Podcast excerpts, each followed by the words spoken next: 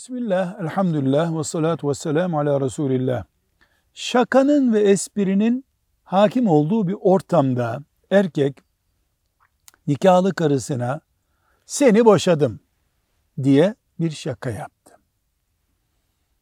Ortaya hukuki bir sonuç çıkar mı? Çıkar. Çünkü dinimiz İslamiyet nikahın da talakın da şakasını ciddi kabul ediyor. Bunlarda şaka yok. Müslüman talak ve nikahla ilgili şeyleri şaka yapmaz. Bunlar namusla ilgili, iffetle ilgili şeylerdir. Bunu şaka yapmak, iffeti alttan alttan oymak olduğu için. Nikahın da seninle evlenelim kabul mü kabul. Bunun şakası, esprisi, tiyatrosu olmaz.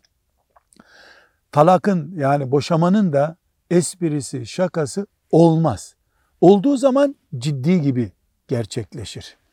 Bu sözden sonra artık ric'i talaktır, geri gelir vesaire ama üç basamaklı talak iki basamağa düşer.